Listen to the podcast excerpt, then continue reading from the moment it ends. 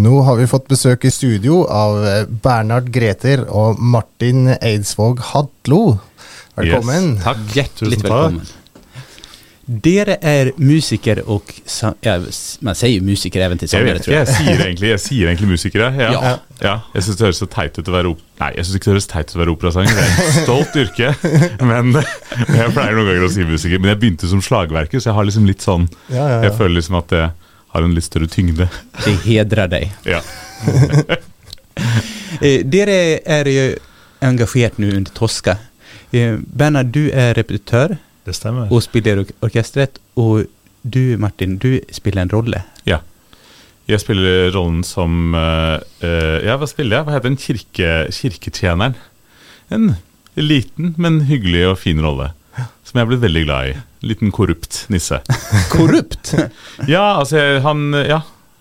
Er ikke kirken det, da? Og Vi har akkurat ønsket fra en organist, så jeg håper ikke han hører på. Ja. Nei da. Men eh, ja. Det er eh, Sammen med deg, Hilde Andersen, så har vi ja, tatt en litt annet blikk på den rollen. Så det har vært Ja. veldig, veldig gøy. Så bra. Jeg har ikke fått med meg det. Jeg får liksom ikke med seg historien som foregår på scenen. Nei, nei, nei. Men det er jo litt artig å få høre, høre det. Ja, ja, ja. Dere er jo her for at dere skal spille konsert i morgen med Vinterreise. Mm. Schubert igjen, mer lider, altså sanger. Hva er Vinterreise? ja. Hva er vinterreise? Ja, det er et stort spør spørsmål, kan man jo si. Um, altså, det er jo en av Schuberts mest kjente og mest spilte og viktigste sangsykler. Uh, og Sier man sykler eller sykluser? Sykluser. Sykluser, ja. Sykluser, ja. Takk. Um, og uh, ja, det er en uh, stor oppgave uh, som vi tar på største alvor. Ja, sånn Helt teknisk så er det jo eh, 24 dikt av Wilhelm Müller som Schubert har satt musikk til. Som even fra begynnelsen satt, var satt sammen i ett Ja. verk. Ja, og så har det vært noen sånn altså Det er noe med Müllers rekkefølge og Schuberts rekkefølge. Og sånn vi gjør det jo da i den rekkefølgen som Schubert skrev de i, da. I sin samling. Han skrev først tolv sanger, og så litt seinere så oppdaget han at det var 24 dikt, og da skrev han resten av sangene. Ok. Uh, og så satte han det sammen da til 'Vinterreise'. Og eh, ja, det krever ganske mye. Ja, det høres veldig mye ut. Ja, Ja. Det, det, det er jo liksom Det er 24 sanger, og man skal liksom lete litt med lys og lykte etter lyspunkt i de 24 sangene. For det er relativt dystert. Det er vel ganske dystert. Og så er det jo øh, også det, det er jo, det er jo en reise, ikke sant? Og hvordan Noe med det hvordan bygger man en reisevei ut av noe som fort kan bli sort med sort på, og dystert med dystert, liksom. Så det å sånn lete etter lyspunkter og liksom sånn, sånn virkelig sånn forestille seg da om den her både den fysiske eh, vandringen og den psykiske vandringen den her mannen går igjennom. Det starter jo med at han ganske sånn mystisk forlater eh, huset til en jente han er forelska i, og skriver en liten lapp på døren hennes når han går, hvor det står 'god natt'. Og så drar han bare. Og det, Vi vet ikke helt hvorfor, og man vet ikke helt hva som har skjedd, eller om det har skjedd noe i det hele tatt. Eller om det bare var en følelse at nå ble det å komme ut. Så til dere lyttere, det er ikke sånt man gjør på valentinsdag. Nei, nemlig. Ville holdt, holdt seg vekk fra. Men det er altså de 24 diktene er, det er en, hist, en lang historie som er, man følger, da, eller er det litt sånn individuelle sanger? Sånn historiemessig, tenker jeg da.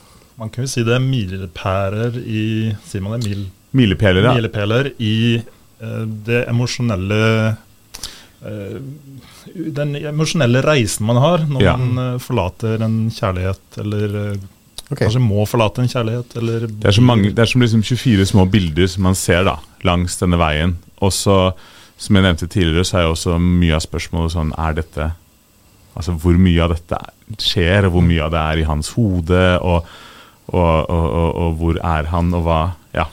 Mm. Og Ja. hva handler det egentlig om? Handler Ja, det om liv og død, eller handler det om det å miste en kjærlighet, eller eh, Ja, handler det om noe helt annet? ja nemlig. Tap generelt, eller Ja, Man kan legge veldig, kan legge veldig mye inn i den. Ja. Mm. 24 sanger, det er jo ganske mye. Altså, når man spiller en konsert, even om man spiller en stor solokonsert som kan være kjempestor oppgave, da har man tre satser å forholde seg til. Mm. Her har man 24 forskjellige tinger. Er det en utfordring for, for deg som pianist, f.eks.? Veldig. Eh, man må virkelig være godt forberedt på hva man har lyst til å uttrykke i hver sang, eh, allerede før man begynner sangen. Og det går ganske raskt mellom sangene, fordi det må oppstå et slags eh, fløde da, mellom disse sangene. Så, eh, så det Ja. Man må liksom uh, huske å puste og Og Det er jo der man er heldig å jobbe med en pianist som Bernhard. For at, altså, jeg jobber veldig mye med bilder. At man setter bilder eller noen spesielle ord eller setninger eller, eller på en sang. Så man liksom, når man starter, så sier man sånn OK, men her For eksempel så har vi en som Dette er Vampyrhuset. Ikke sant? Og så vet begge sånn OK, men da er det Vampyrhuset. Og hvis man får den connection med en pianist, så er det veldig lett at man kommer inn i disse her Akkurat som man lager et sånn triggerord, da, kan man nesten kalle det for hver sang, som liksom inneholder alt det man har sittet og snakka om rundt denne sangen. For det er jo også mye snakk når man skal lage en sånn lead-syklus. Altså, vi satte oss jo ned først og leste gjennom tekstene og snakka om um, hva skjer her, hvem er han, hvorfor altså alle de tingene som kommer, og vi følte liksom sånn Ja, ok, men nå, etter at vi hadde sittet i jeg tror det var to ganger tre eller fire timer, så tenkte vi sånn Ok, men nå kan vi begynne å spille med de Men altså, det blir jo Man, det er Man fortsetter jo bare å snakke, ikke sant? Og, og hva Ja. Så det er, det er veldig, veldig veldig spennende. Men det er også en sånn Man skal virkelig ha lysbilderekkefølgen klar inn i hodet og switche når det er ny sang. Klart det. Ja. Det blir ganske mentalt uh, krevende når du skal diskutere hele historien og Ja. hver enkelt. 24 forskjellige ting. Mm. Og så skal du sette uh, musikk, karakter til det der, da, og bli Ja. enige om det. Og omstille seg mellom hver, da, som du sier. Det, Det som er morsomt, er jo det at når man jobber på den måten som vi har gjort nå, så er det jo mye av musikken som kommer ut av det. I motsetning altså sånn, Når man jobber på andre måter, så er det sånn her står det piano, der er det crescendo til det, bla, bla, bla. bla. Men når man har satt de bildene her på, og sånn, så er det mange av disse musikalske tinga som kommer av seg sjøl. Det, det blir liksom litt som å løse en slags sudoku-oppgave, eller liksom Ja, finne ut hva Hva er det musikken forteller om hvilket bilde eller sinnsstemning man skal finne, da. Og Der har det også vært veldig inspirerende å jobbe med deg, Martin. Altså, du er en poet, og du har eh, mange gode tanker. eh, og mye referanser, og det har vært veldig inspirerende, rett og slett, denne Det prosessen. veldig gøy. Ja. Mm. Det her var no jeg leste noe på Facebook om at det her var noe som det startet med i, under koronaperioden. Ja, altså for meg, jeg begynte å studere en vinterreise eh, i koronaperioden. Altså du vet, Når man studerer og sånn, så synger man en sang herfra, en sang derfra. Så hadde jeg liksom plutselig sånn så jeg at man kan jo liksom sette sånn fra prikk til prikk med hvilke sanger jeg kan i vinterreise. Så tenker jeg jeg kan jo bare like gjerne lære med alle sammen. Um, jeg er gift med en organist, så vi gikk liksom litt i gang med å sånn begynne å kikke på det her, da. Og jeg ble totalt oppslukt av det og begynte å lese bøker om det og tenke på det og lage bilde Hva heter det for noe? Plansjer og holde på. Altså, man blir virkelig, virkelig oppslukt av det. Også fordi det er så relevant i dag. På en eller annen måte Man tenker at det er sånn en romantisk helt og en romantisk sangsyklus og bla, bla, bla, bla, men det er ekstremt relevant. Og jeg har lært og, og funnet ekstremt mye av meg selv i de tekstene, selv om jeg ikke går i nikkers og fløyelsjakke, liksom. Så spennende. Ja, det er veldig. veldig artig å høre. Ja. Nå skulle vi ha egentlig egentligen spilt av noe fra Vinterreise, men vi har i stedet et første stykke her som omtrent fra samme tid, eh, tid lite senere. Lite senere. Ja. Schumann, pianokvartett. Det er riktig, det. Og det er et slags hommage, eller en slags eh, hilsen til alle som jeg har lært av eh, på min bane innen musikk. Alle lærere jeg har hatt, alle um, som har støttet meg, og spesielt da en person som heter Per Nystrøm, som er cellist og har betydd mye for meg. Uh, og uh, han spiller et cellosolo i tredjesatsen fra denne uh, pianokvartetten, som det fikk meg til å gråte. Det var første gang jeg gråt på en konsert, og det var også da jeg på en måte turte å ta valget om å bli musiker på alvor. Eh, Så dessverre så finnes ikke det på opptak, men eh, vi skal få høre en fantastisk eh, Cleveland Quartet med Emmanuel Axe spille dette. Altså Schumanns pianokvartett, den I S-dur. Yes. den tredje satsen, den langsomme. Det var Emanuel Ax, Don, Donald Wallerstein, Atarad og Paul Katz som spiller Schumanns pianokvartett i S-dur. Du lytter på KSU 247 og programmet er Klassisk brus med Jostein og Odd. Vi har fått besøk her i studio av Martin og Bernhard. Herlig å ha- dere her. Takk. Takk for at vi får være her. Dere har jo en konsert i morgen som, eh, med Frans Schuberts uh, vinterreise. Yes. Uh, men dere gjør jo mye mer under eh, operafestukene. Ja, Uh, du er jo repetitør, eh, Bernhard. Stemmer det. Kan du, kan du forklare litt hva en repetitør er? Det skal jeg prøve meg på. Um, I opera så er det ikke mulig å ha orkester med i en hel prøveperiode. Ofte så eh, øver man på en opera i en og en halv måned, kanskje mer til og med. Uh, og da blir det for dyrt å ha 80 orkestermusikere sittende der uh, dag ut og dag inn. Så da har man en uh, pianist som også er utdanna i vokalcoaching, altså i stemmecoaching, også utdanna i språk, i dirigering, i kor, eh, innstudering og dirigering. Uh, og litt andre ting som, som man da noen ganger må gjøre samtidig, noen ganger eh, gjør eh, hver for seg. Uh, men alt da for å assistere dirigenten og for å få prøvene til å flyte godt. Uh, man hjelper sangerne så, så godt man kan med tekniske utfordringer eller tekst, eller å huske ting, eller uh, minne den om hvor de sang feil, f.eks. Uh, sånn at de kan eh, huske ting eh, bedre. Ja, absolutt. Ja, det er mange, mange aspekter, da. Og Ja. mye språk og mye musikk man skal inn på lite tid. Mm. Jeg tenkte at vi skulle ta en liten forklaring for lytterne, nå, men nå var jeg ble jeg overraska hvor, Ja. hvor mye du Hvilken rolle repetitøren egentlig har. da. Ja. Det var jo veldig utrolig sånn utdanning. Ja, det er ganske omfattende. Ja. Jeg, hadde, det var ikke, jeg hadde det ikke helt klart for meg heller når jeg valgte den utdanningen. Nei. Men eh, jeg har alltid likt å jobbe med sangere. Helt siden jeg begynte med det på Vastena folkehøgskole en, en gang i tiden i Sverige. da. Mm. Eh, og så eh, oppdaget jeg at det fantes en repetitørutdannelse i Oslo som var tett kobla opp mot operaen og eh, Operahøgskolen i Oslo. Eh, og man var også på Musikkhøgskolen, det var de som hadde utdannelsen. Så man kom i kontakt med hele sangmiljøet, hele operamiljøet og musikkmiljøet i Oslo. Eh, og det tiltalte meg veldig, og fikk også mye tid på operaen. Eh, gå rundt i korridorene, høre på hva man ville, snakke med hvem man ville. Eh, Ja, det er jo litt av et nettverk man får da. det var det, og veldig mye praksis. Veldig mye innblikk i hvordan ting fungerer Sant? På høyt nivå. Mm. Hvordan oppfatter du, eller hvordan arbeider du med repetitøren, Martin? Overhodet ikke på den måten der. Jo da.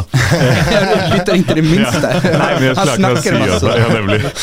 Han gjør ikke alltid han Påpe, sier. påpeker feil og det gjør. Men, det, men det, er, det er jo nemlig det der at man kommer jo som sanger med en rolle.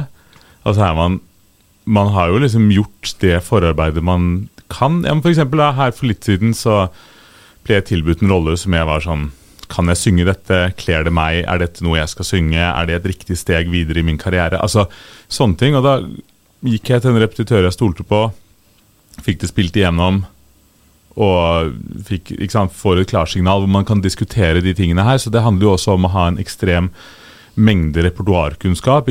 Hvilke stemmer hører man i hvilke roller, og sånne ting. Og så er det jo ned til helt jeg klarer ikke å lære meg denne takten, kan du hjelpe meg? Eller jeg klarer ikke å høre den tonen jeg skal komme inn på her, fordi at jeg skal spille dissonans med, eller synge dissonans med whatever. Altså, hvor, eh, hvor da det er veldig, veldig veldig trygt og godt å ha noen eh, repetitører man stoler på. Ja. Litt sånn ærlige tilbakemeldinger, rett og slett. Ja, man får jo et slags sånn- Man får et veldig sånn tett, tett, tett forhold med, med repetitørene. Kanskje sånn liksom det tetteste man har på et, på et hus, fordi man liksom jobber så tett og, og, og stiller seg også veldig sårbar veldig tidlig i prosessen Mm. med, med dem. Fordi man jo ofte kommer før materialet er helt innstudert og, og sier er dette noe? Og liksom den her 'hjelp meg med det jeg ikke kan'. Ja, nemlig. Ja. Ja, ja, for det er jo litt sånn fordi at, liksom, noen, noen er jo kjempegode på, på innstudering, men ikke så gode på språk. Andre er kjempegode på språk, men ikke så gode på rytme. Noen er kjempegode Altså, Man har jo alle sine styrker og svakheter, ikke sant? så hjelper da repetitøren veldig ofte med å liksom fylle på de glassene som ikke er helt fulle ennå. Mm. Så det liksom blir et, eh, et ferdig produkt. Og så kommer man til dirigenten, som ofte er helt uenig og vil ha noe helt annet. Men det har man i hvert fall prøvd, da, så det er jo alltid en god start. Ikke sant? Da har prøvd litt forskjellig. Ja, nemlig. Litt mer fleksibel. Ja, nemlig. Ja, for man eh, gjør ganske mye prøver med eh, repetitør uten dirigent også. Det er litt forskjellig. Noen dirigenter er der eh, hele tida, og vi har liksom fullstendig musikalsk hold. På store hus er det vanlig å ha en dirigentassistent som jobber tett opp mot uh, dirigenten. Uh, men det er også vanlig at repetitører stepper inn og dirigerer prøver. Så da er man ofte to repetitører på en prøve. En som dirigerer uh, og gir innsatser til sangerne og koret som er på scenen eller i prøvesalen. Og en som da spiller fra klaveret. Men det skjer også at man må sitte alene. Og her i Kristiansund er det, skjer det av og til, fordi vi har ikke budsjett til å ha så mange på, til stede. Så da skjer det at jeg sitter alene med alle sangere og gjør en gjennomspilling av en hel akt, f.eks. Alene, der jeg da også gir innsatser fra klaveret. Eh, Og spiller alt, og synger også hvis det er noen som er syk f.eks., eller noen som eh, ikke vil synge den dagen. Da, da synger jeg også det. Sangere høres ut som en helt fryktelig rase når du legger det fram sånn. Nei, men det er jo sånn det er, da. Det er akkurat sånn det er. Det er det som er. Nei, men så er det jo sånn eksempel Når vi begynner med orkesterprøver, så sitter du ofte liksom enten da musikalsk eh, den musikalske lederen eller, eller repetitøren ute i salen og hører her blir du nødt til å tekste bedre, der er du et slag for sein, her var du litt sein nå, der blir du nødt til å intonere litt altså Komme med sånne tilbakemeldinger. Um, ja, så når man, er, også når man er på større hus, hvor man da har en repetitør, en musikalsk leder, en dirigentassistent, så får man jo ofte sånn tre-fire forskjellige post-iter med sånn Husk dette, sterkere T der, litt tidligere inn her. Altså mye greier. Det er mye, precis, det er mye ganske direkte tilbakemeldinger. Mye direkte tilbakemeldinger, og jeg hadde en gang en sanglærer som sa at det handler jo selvfølgelig om å synge, men det handler også om å ha muligheten til å huske og endre fort. altså når man får da ja, men Noen ganger så får man ikke sant, fra, uh, fra han som er musikalsk sjef på huset, dirigentassistenten, en repetitør, en språkcoach, regi, eh, regiassistent, så får man noen ganger fem post-iter hvor det står liksom en liten liste med ting du gjorde feil, som du skal huske. Så er det bare sånn Ok, da er det bare å henge de opp på speilet og prøve å huske det til neste prøve. Ja, det er er jo lange verk, en opera. Så Det det, er veldig lange verk, det er mye tekst. Også Vinterreis, f.eks. i morgen, der er det jo 24 sanger eh, som man liksom gjør utenat. Det er også Ja. ekstremt eh, Jeg har, man sitter jo da og pugger det er Didas. Altså, ja, ikke sant? altså, det er jo helt krise. ja, det er imponerende. Ja, så det er, det, er jo, det, er jo, det er veldig mye man skal altså, Det er jo det som også er morsomt. Jeg husker mormor en gang sa sånn, sånn Hæ? Gjør, det er jo bare å møte opp og synge. Hva behøver du liksom å øve før? Så var jeg sånn Ja, det, ja, det, det gjør man jo litt. For det er jo altså Uansett hvor liksom lett det ser ut, eller hvor mye man tuller med at sanger ikke kan rytme, så er det jo et ekstremt um, bredt håndverk. ikke sant? For i tillegg til liksom selve håndverket med å synge, så er det jo liksom alt eh, Altså skal man jo da Altså, man skal jo, Som sanger så er man jo ikke bare instrumentalist, man er jo også instrumentbygger. For man bygger jo liksom sitt eget instrument. ikke sant? Man åpner jo ikke bare munnen, og så er alt der. Man blir jo nødt til å fininnstille og holde på å bygge og bygge og bygge denne muskulaturen, samtidig som man blir nødt til å være en god instrumentalist. Og I tillegg til dette så skal man da være sant, skuespiller, ha språkkunnskap, samfunnskunnskap, øh, ja, referanser og helst være tynn og pen og likende. så ja. Det er, ja, for jeg tenkte på det når vi prater om at alle de her tilbakemeldingene det er ganske uh, som det det får. Altså, det er ganske, altså, ni blir firade på scenen og det er liksom Mm. säkert men det er også ganske hård, altså, det er ganske få yrken man får så direkte kritik på hva det er man gjør, og, og oppfølging hele tiden på små saker. Mm, jeg synes at det, det, det, er, det er også litt sånn demotiverende noen ganger. Man føler liksom at sånn yes, og så kommer noen og bare sier sånn nei. Eller når man er på en audition og tenker liksom eh, Altså man liksom står og, og, og skal prøvesynge og merker bare at de er sånn totalt uinteresserte i det man gjør. ikke sant? Og så har man de gangene hvor du går kjempebra, og det er jo selvfølgelig gøy, det også. Men så tenker man jo litt at man er jo godt utdanna og velforberedt, så det skulle jo også bare mangle litt noen ganger. ikke sant? Så det er jo en sånn merkelig, merkelig balansegang og et sånt um, rart liv. Også fordi at de fleste musikere, som sikkert dere også vet, er jo, man er jo sårbar og følsom på det man holder på med også. Så det er jo, det er jo en tøff bransje i så måte at man står liksom og sier 'her er det som jeg vil skal være meg', her prøver jeg å komme med hele meg, og så sier folk bare mm, 'ja, nei takk'. Det, Og spesielt når instrumentet er en del av kroppen. det er nemlig det. Altså, man har sånn- liksom ikke noe å gjemme seg bak heller. Så det kan noen ganger føles, øh, føles merkelig. Jeg tenker jo også ofte på det med sånn musikkritikker og sånn også. Jeg syns jo det er et veldig, veldig merkelig konsept. Mm. At, at man liksom vet ikke, Tillater er jo én ting, men at man liksom at man har kommet inn i en vane å gjøre det, Mm. syns jeg jo liksom er litt sånn merkelig. Men eh, ja. Nei, det er, en, det er en tøff bransje, men så er det jo også veldig, veldig gøy og utfordrende, og man utvikler seg ekstremt mye som person også. Uansett hvordan man ender som musiker, så tenker jeg at liksom man har virkelig lært noe eh, dypt eh, personlig av å liksom ha vært på den uh, veien, da. Ja. Absolutt. Jeg tenker også på det du er inne på, at det er jo veldig mye jobb som man som publikum ofte ikke ser. Altså, mange skjønner jo at det er veldig mye jobb bak det som skjer på en scene, men kanskje ikke omfanget helt Nei. av hva det er som faktisk skjer. Så det hadde vært veldig interessant å invitere folk inn i prøvesaler og ja, ja, ja. Uh, jeg vet det noen masterklasser som er åpne, f.eks. Altså mesterklasser på kurs og sånt. Da er det ofte noen mesterklasser som er åpne for publikum, der man da får en innblikk i, i det som skjer, og ser stadig vekk hvor overrasket mange blir, og hvor fantastisk de syns det er å få bli en del av den prosessen. Og se alt, alt det slitet, alt det jobbet, Mm. all den dybden som skal til for å få til det som skjer på scenen. Det, ja. Det er jo litt sånn som mormora di sier. ja, da, at jo, jo, jo lettere ting virker på scenen, jo mer jobb er det jo bak. Ja, det er nemlig det. Og det er det som liksom er så merk... Ikke sant? Og det er, i tillegg til alt det vi har nevnt nå også, så er det jo også en sånn psykologien bak det også.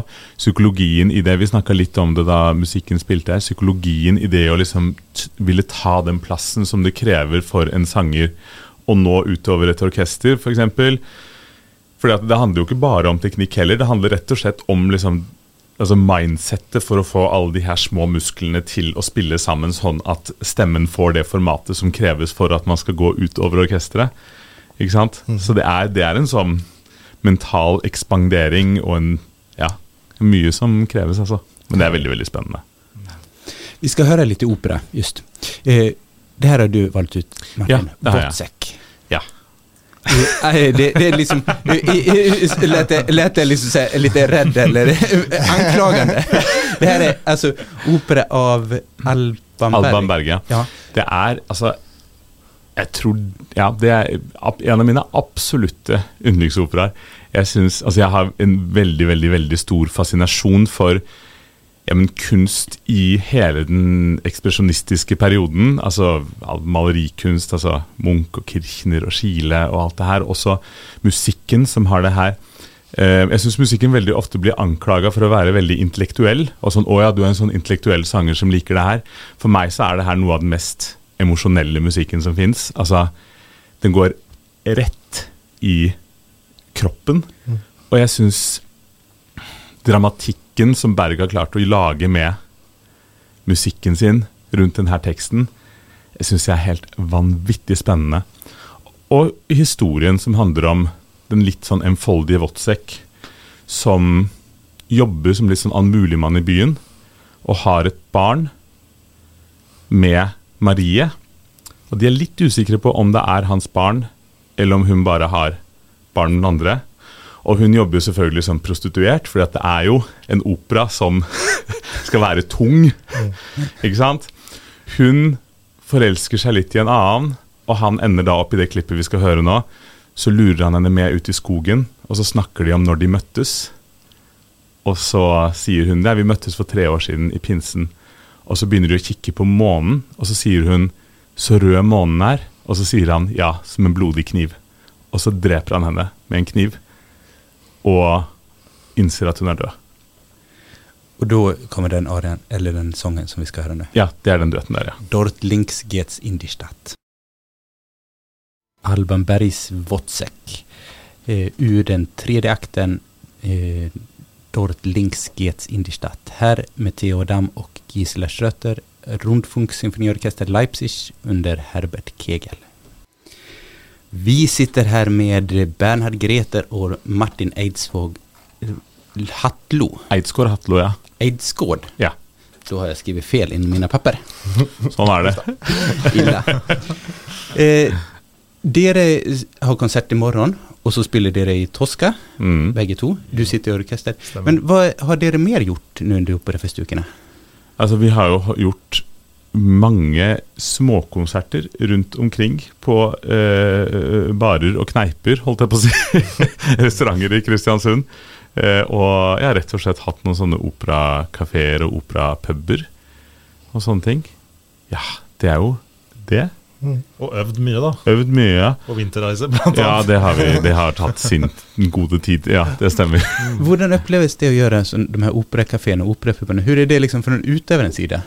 Det, det er en veldig spesiell eh, sjanger, spør du meg. Altså, jeg syns det er veldig gøy å gjøre det, men det er jo en veldig sånn Vi snakka litt om det i stad også, det der med liksom sånn stå tett oppi mennesker som spiser, og så skulle synge, og så skjønne at sånn Dette syns de er hyggelig. det syns jeg er litt sånn merkelig eh, tanke. Eh, og så er det også noe med det liksom Jeg er litt sånn opptatt av når jeg har konserter og sånn, å prøve å prøve liksom å, å ta med noe annet repertoar også, ikke bare sånn highlight-repertoar, men så er det jo kanskje det man egentlig burde velge, for det er jo kanskje det folk vil ha. ikke sant? Men altså, det er mange tanker som går gjennom hodet før en sånn konsert også, selv om det også kanskje virker litt sånn at man bare steller seg opp og gjør det. Eh, men det er veldig veldig givende å høre at folk er glade for det, selvfølgelig. Ja, men det er noe med det du sier, at liksom, det føles ganske snålt at man plutselig står veldig nære folk og Ja, ja. så, spiller man Ja, og de syns det er kjempekoselig. Ja, nemlig. og man, man føler seg, men eh, forstyrrer jeg ikke mitt Ja, for jeg tenker det ville vært grusomt irriterende hvis det kom en fiolinist eller en sanger og sang altså Man har jo alle vært i Italia hvor det kommer en eller annen og synger, og så skal de ha penger for det, og så tenker man bare vekk. Men, ja. Jeg håper folk har lest programmet, at de er advart. ja, nemlig. Ja, nemlig. Og så er det jo noen steder som på Sjøstjerna f.eks. Der det, man må booke et halvår i forvei for å overhodet få plass. Og det er jo veldig koselig, syns jeg. At det er veldig stor interesse og pågang. Og jeg personlig syns, har alltid syntes at det er veldig hyggelig å komme nærme folk. Det skaper en veldig intens uh, ja, energi, kan man vel kalle det, i rommet, som, som man ikke får på en stor scene. eh, På samme måte. Ja, Det er noe helt annet enn å, å stå på en scene. Ja. Det er jo noe med det der når man ser inn i ansiktene til folk, også fordi at de veldig ofte jo sitter lyssatte. Ikke sant? Så ser man rett og slett liksom folk sitte, og noen mimer ned, med på teksten, og noen smiler, og noen spiser, og noen sitter på telefonene sine. Altså, så Det er jo veldig tydelig hva de syns om det. de forskjellige. Eh, men ja, det er jo Det er deilig Og, og ja, se det.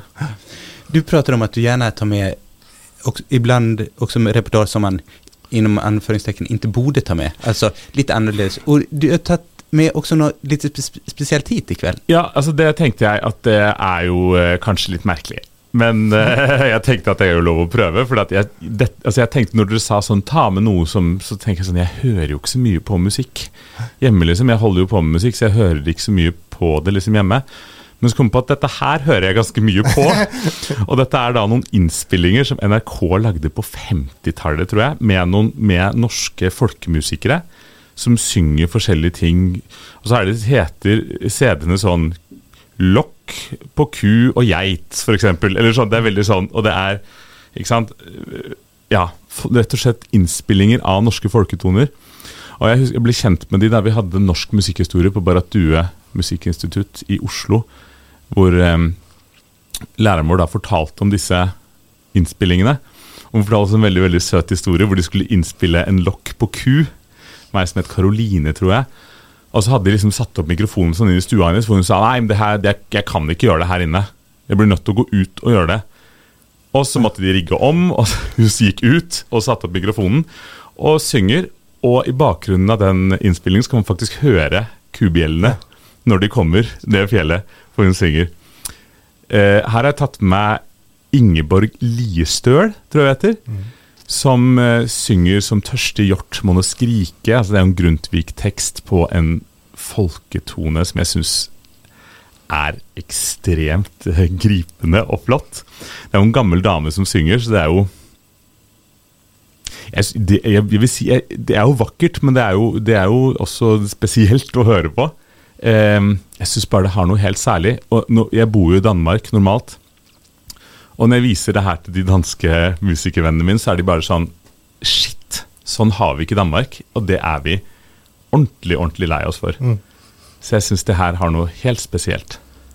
Som tørstige hjort monne skrike, en sang med Ingebjørg Liestøl. Det var Som tørstige hjort monne skrike med Ingebjørg Liestøl. Det er jo litt spesielt, denne musikken.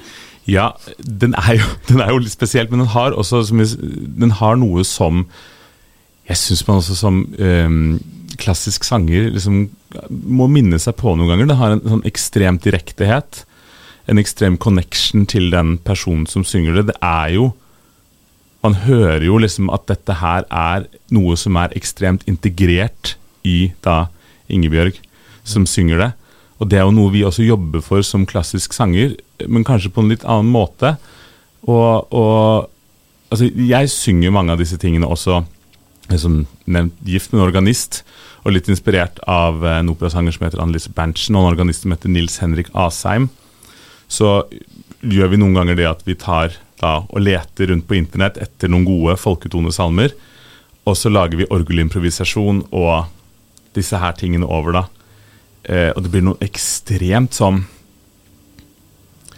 ja, men karske og kraftfulle eh, ting som kommer ut av det.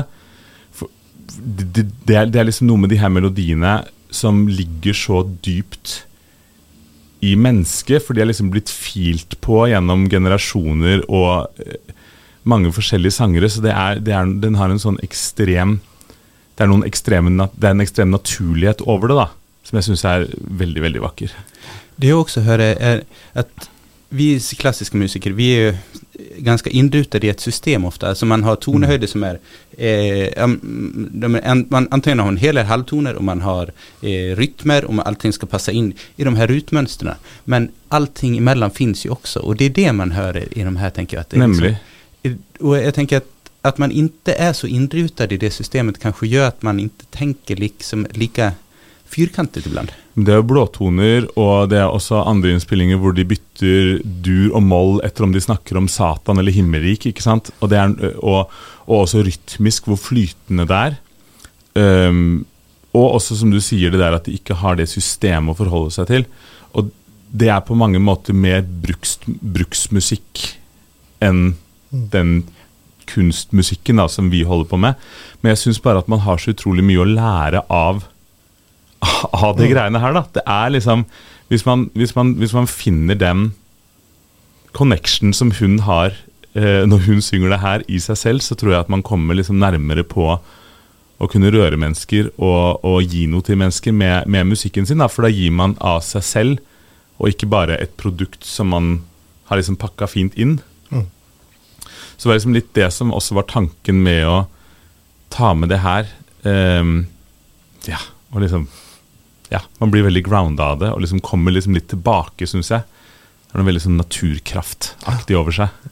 Ja, jeg må si jeg ble veldig overraska og Ja. glad da jeg fikk eh, det ønsket, ønsket der. Altså. Måtte høre gjennom et par ganger. Ja. For ja, ja, det er stilig. Artig å ha med. Du har jo vært her i Kristiansund flere ganger, Bernhard. Det stemmer. Hva syns du om byen? Nå må du, og det fins jo bare ett svar, det er fantastisk. fantastiskt. Det er akkurat det.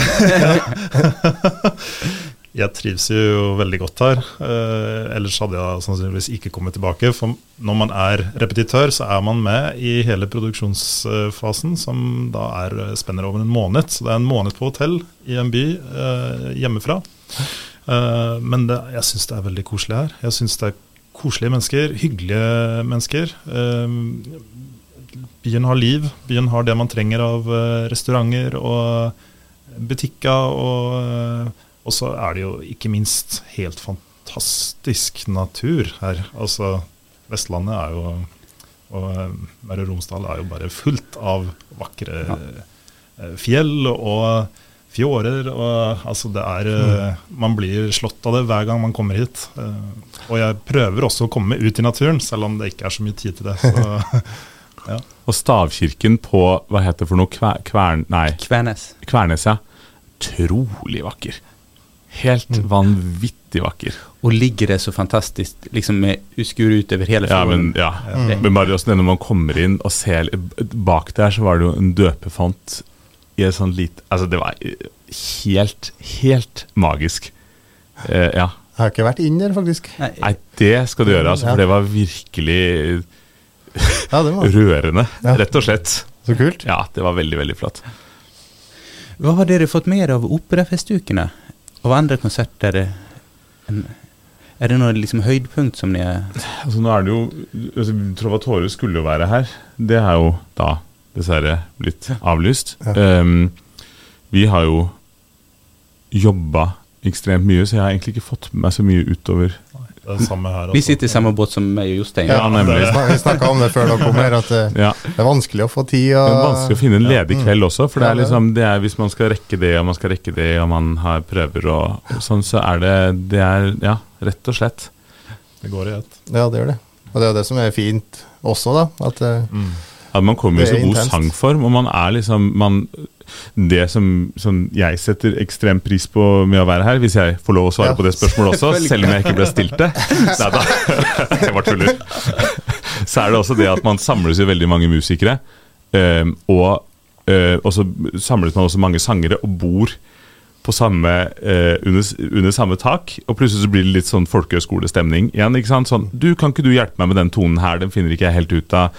Du, hva gjør du når du skal gjøre sånn, og hvordan eh, hvor, Hvem har du lært italiensk av, og hvordan altså man Plutselig så får man et sånn lite sånn kollektiv hvor man hjelper hverandre og synger litt for hverandre og prøver ut ting. Og på de her operapubene og kafeene som vi snakka om tidligere også, at man liksom du, jeg skal prøve en ny arie som jeg tenker å ha med meg på audition. Hva tenker du om det? Hvordan syns du det var? Syns du det passer meg? Plutselig så får man liksom et kollege som man ikke nødvendigvis har da som frilanssanger, fordi man jo går mye for seg selv ehm, og, og jobber. Så det, det, det har vært en utrolig sånn fruktbar um, tid Mm. å være her, rett og slett. Det har vært veldig veldig spennende og givende også på liksom utviklingsfronten, da. Så det, det, det syns jeg har vært veldig veldig kult, og det hadde jeg ikke regna med. For jeg hadde ikke engang tenkt meg at det kunne bli sånn. Nei. Så det syns jeg var veldig ja, det, fint. det med Ja. at det er en så lang og intens periode Nemlig. der man går oppå hverandre. Ja. Har blitt godt kjent, og liksom plutselig tømmer man og liksom Ja. Åpner seg litt for hverandre. Ja. Sånn er det jo litt for oss òg, som er, jobber her fast. Mm. Det er jo plutselig mange frilansere i orkesteret, og alle sangerne, og man blir godt kjent, og man har liksom den musikerlivet plutselig i en stor by, da. Ja, men. Virker Ja, nemlig. Det er en like stort miljø som i, når man går i Trondheim, eller ja, ja, ja. hvor som helst. At, og, ja. Og jeg har brukt mye tid på å øve de siste dagene, fordi jeg har flere konserter. Vinterreise i morgen, 24 sanger å øve inn, og konsert på lørdag Ja. eh, med, med bl.a. Odd. Gleder meg veldig til. Men det er også vanskelig å spille, og mye å spille for meg, så jeg har brukt mye tid på å øve, og så ble jeg så glad. For da sitter også harpisten Julie Rokseth og øver i der, der Tosca spilles, altså i festiviteten i hovedsalen. da og, eh, og jeg sitter i foajeen, og så er det nesten som å være tilbake i studietiden. ja det blir sånn helt Ja, konservatoriestemning. ja, jeg fikk skikkelig sånne vibber, og og det er så koselig. Ja. Det er jo noe med det, altså, at komme inn kommer in i den här Og bare gjøre göra det å bare være her. Ja, mm, ja, ja. kan jeg, jeg skjønner at det Det, kan være det, de gir veldig mye, altså. det gjør det. Veldig takknemlig for å få være Ja. med på det. Mm, så bra. Hva har dere på planen fremover? Altså Nå er det konsert eh, på, på lørdag for deg, og det er siste Toska på fredag og sånn Ja. så... Sen er liksom plutselig er operafestuken slutt. Ja, det har gått Sånn veldig fort. Ja. Eh, jeg eh, reiser videre til Bergen faktisk på søndag. Eh, skal være med Den glade enke på Bergen Nasjonale Opera. Eh, I en helt ny drakt, som jo blir veldig veldig spennende. Det er en dansk regissør som heter Kasper Holten, som har iscenesatt den, og samarbeidsproduksjon med Kongelig Teater i Danmark. Uh, hvor det blir En glade enke som handler veldig mye om Altså, veldig mye om kjønn, om seksualitet og om eh, Ja, og så blir det også bare ekstremt mye tull i den. Og jeg har sett, jeg har sett en sånn forestillingsvideo fra København. og Jeg tenkte litt sånn, når jeg leste manus, så tenkte jeg sånn For jeg leste det på dansk. Ble det sånn, Blir det her for platt? Blir det for dumt, liksom? Blir det for dumt? Og så kikka jeg på videoen, og så tok jeg meg selv i å bli veldig veldig rørt på slutten av Den glade enke. Da tenker jeg sånn, da kan det et eller annet, og det viser seg liksom å være en litt sånn hyllest til teater og hyllest til liksom mangfoldigheten og sånn. Det syns jeg var veldig veldig rørende og fint, så det gleder jeg meg veldig til. Det er liksom neste for meg nå. Spennende. Jeg skal ha litt fri, eh, først og fremst. Eh, slappe litt av og coache litt folk i Oslo og eh, lande litt der igjen. Og så eh, får vi se litt, faktisk. Det ser litt uvisst ut frem til sommeren fortsatt. Eh, noen ting som ikke er kontraktfesta, og eh, noen konserter og eh, en konsert i Manglerud kirke. Og så skal jo vi spille mer Lid sammen, Bernhard. Det må vi. Ja. Det, Det var neste spørsmål. ja. Nå har vi det jo på tape, så da kan man ikke si nei. Nei, men, Det blir turné. Ja, det blir det. Mm. Nei, men eh, nå er det jo sam Samfunnet er jo åpna nå, så nå eh, regner jeg med at det fyller på Ja. med ting fremover. Mm. Det blir muligheter nå, altså. Ja, jeg tror det. Ja. tror det. Ja, det har vært litt sånn kjedelig med hele den pandemiperioden. Det har vært litt sånn kjedelig. Smule. En smula. Ja. Ja, hadde var helt sånn der, det første som gikk for meg, det var jeg skulle være med på Mestersjangerne eh, fra Åh, Nürnberg ja. eh, av Wagner på Operaen i Oslo. Jeg skulle liksom gjøre en liten rolle, men det var fantastisk regi. Det var liksom, du vet 19 solister, kor på 120. Sist gang Mestersjangerne var oppe i Norge, var i 1933. Ikke sant? Det skulle bare, vi hadde store kapper, og altså alt var så overdrevet og svært.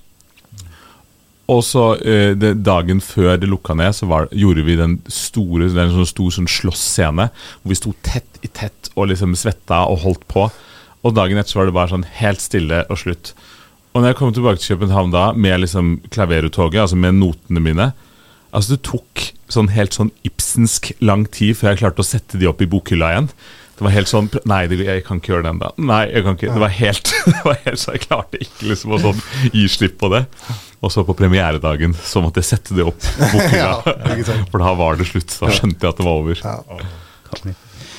Men morgen blir det vinterreise. Det gjør det. Ja. Klokken syv på festiviteten. Mm. Jeg gleder meg veldig, i hvert fall. Jeg gleder meg også veldig. Kjempemye også. Og gruer oss litt. Tusen takk for at dere kom. Tusen Takk takk. for at vi fikk komme. Takk. Kjempespennende å høre om vinterreise og tanker. Vi skal avslutte med litt musikk. Ok. Ja. Og da er det en teorbist. Hva, for det første måtte vi kanskje forklare hva er en teorbe Eh, en eh, Hva skal man kalle det? En slags gitarliknende ting eh, som man bruker i barokkmusikk. Eller som er fra barokktiden, da. Altså 1600- og 1700-tall. Slutten av 1600-tallet til midten av 1700-tall. Og eh, Det er jo et, en del av bassgruppa, faktisk, i orkester, hvis det brukes i orkester. da, så er det continue, ja, at er, sammen med cembalo og kontrabass og cello. da. riktig. Ja. Veldig artig, artig finnes- instrument. Ja, veldig artig instrument. Veldig vakkert instrument. Og ganske vanskelig å bære med seg. Uh. Det er det. Det var veldig vanskelig å fly med, har jeg sett. Ja, det er det. Mm. Og så finnes det også en del eh, solomusikk skrevet for uh, Teorbe. Eller uh, barokkgitar, eh, som Rolf eh, Lisleland, mm. Lisleland også spiller. Ja, eller lutt. Eller lutt, Alle ja. de, dem, dem som er i den sjangeren der, spiller ofte alle, Alle. alle liksom, gitarinstrumentene. Riktig. Ja. Så her er altså Rolf Lislevand som har, har han skrevet en egen passacaglia, eller er det et eh, verk som han har ehm, eh, det, Jo, det er et verk av Robert de Vissé. Nemlig. Passacaglia i re mo, minore. Det betyr på norsk betyr D-moll. d-moll. Ja. Og eh, ja, jeg kan jo berette litt om hvorfor jeg har valgt det her. Og, eh, vi fikk jo i oppgave å velge noe som har betydd mye for oss, eller som betyr mye for oss. Og eh, noe som betydde veldig mye for meg, det var søndagsmorgener hjemme med familien. Da hadde vi frokost sammen hver søndag, og da gikk det et program i Gøteborg, da det er fra, på P2, som eh, het eh, noe i stil med barokk med Vasilis Bolonassos. Eh, Alltid på en søndag. Alltid på en søndag heter det. presis. Just det, dette burde jeg sjekket opp eh, før jeg kom hit. Men eh, Vasilis Bolonassos eh, hadde masse kunnskap og gjorde masse research på anekdoter og historier fra barokktiden. Og fortalte det på en måte som var veldig, ja, veldig levende og interessant å høre på. Og så valgte han veldig gode opptak av barokkmusikk, så man fikk et veldig nært forhold til barokkmusikk gjennom hans sitt program. Og uh, det var nesten ikke lov å snakke uh, under de frokostene. det, var liksom, var hellig å høre på dette. Uh, og det har fulgt meg. Og um, 2020, da pandemien traff Norge, så ja, var det mye som stengte ned. Og da var det en venninne som anbefalte Rolf Lislevann til meg. Og jeg begynte å høre på platene hans og ble bare så jorda og rolig og um, Ja, det ga meg masse energi i en litt stressende og tung tid. Så derfor hadde jeg lyst til å ta den med hit. Tusen takk for at dere kom. Og vi avslutter eh, det her samtalet med Rolf Lislevands eh, i re minore. Rolf Lislevand med Passacaglia i d-moll. Du lytter på Klassisk brus her på KSU 247. Nydelig musikk med Rolf, Rolf Lislevann der, altså. Jeg, jeg, jeg er også, som Bernhard, er jeg veldig glad i den teorbe og barokkgitarstilen, altså. Det det er noe med den her atmosfæren som det gir. Mm.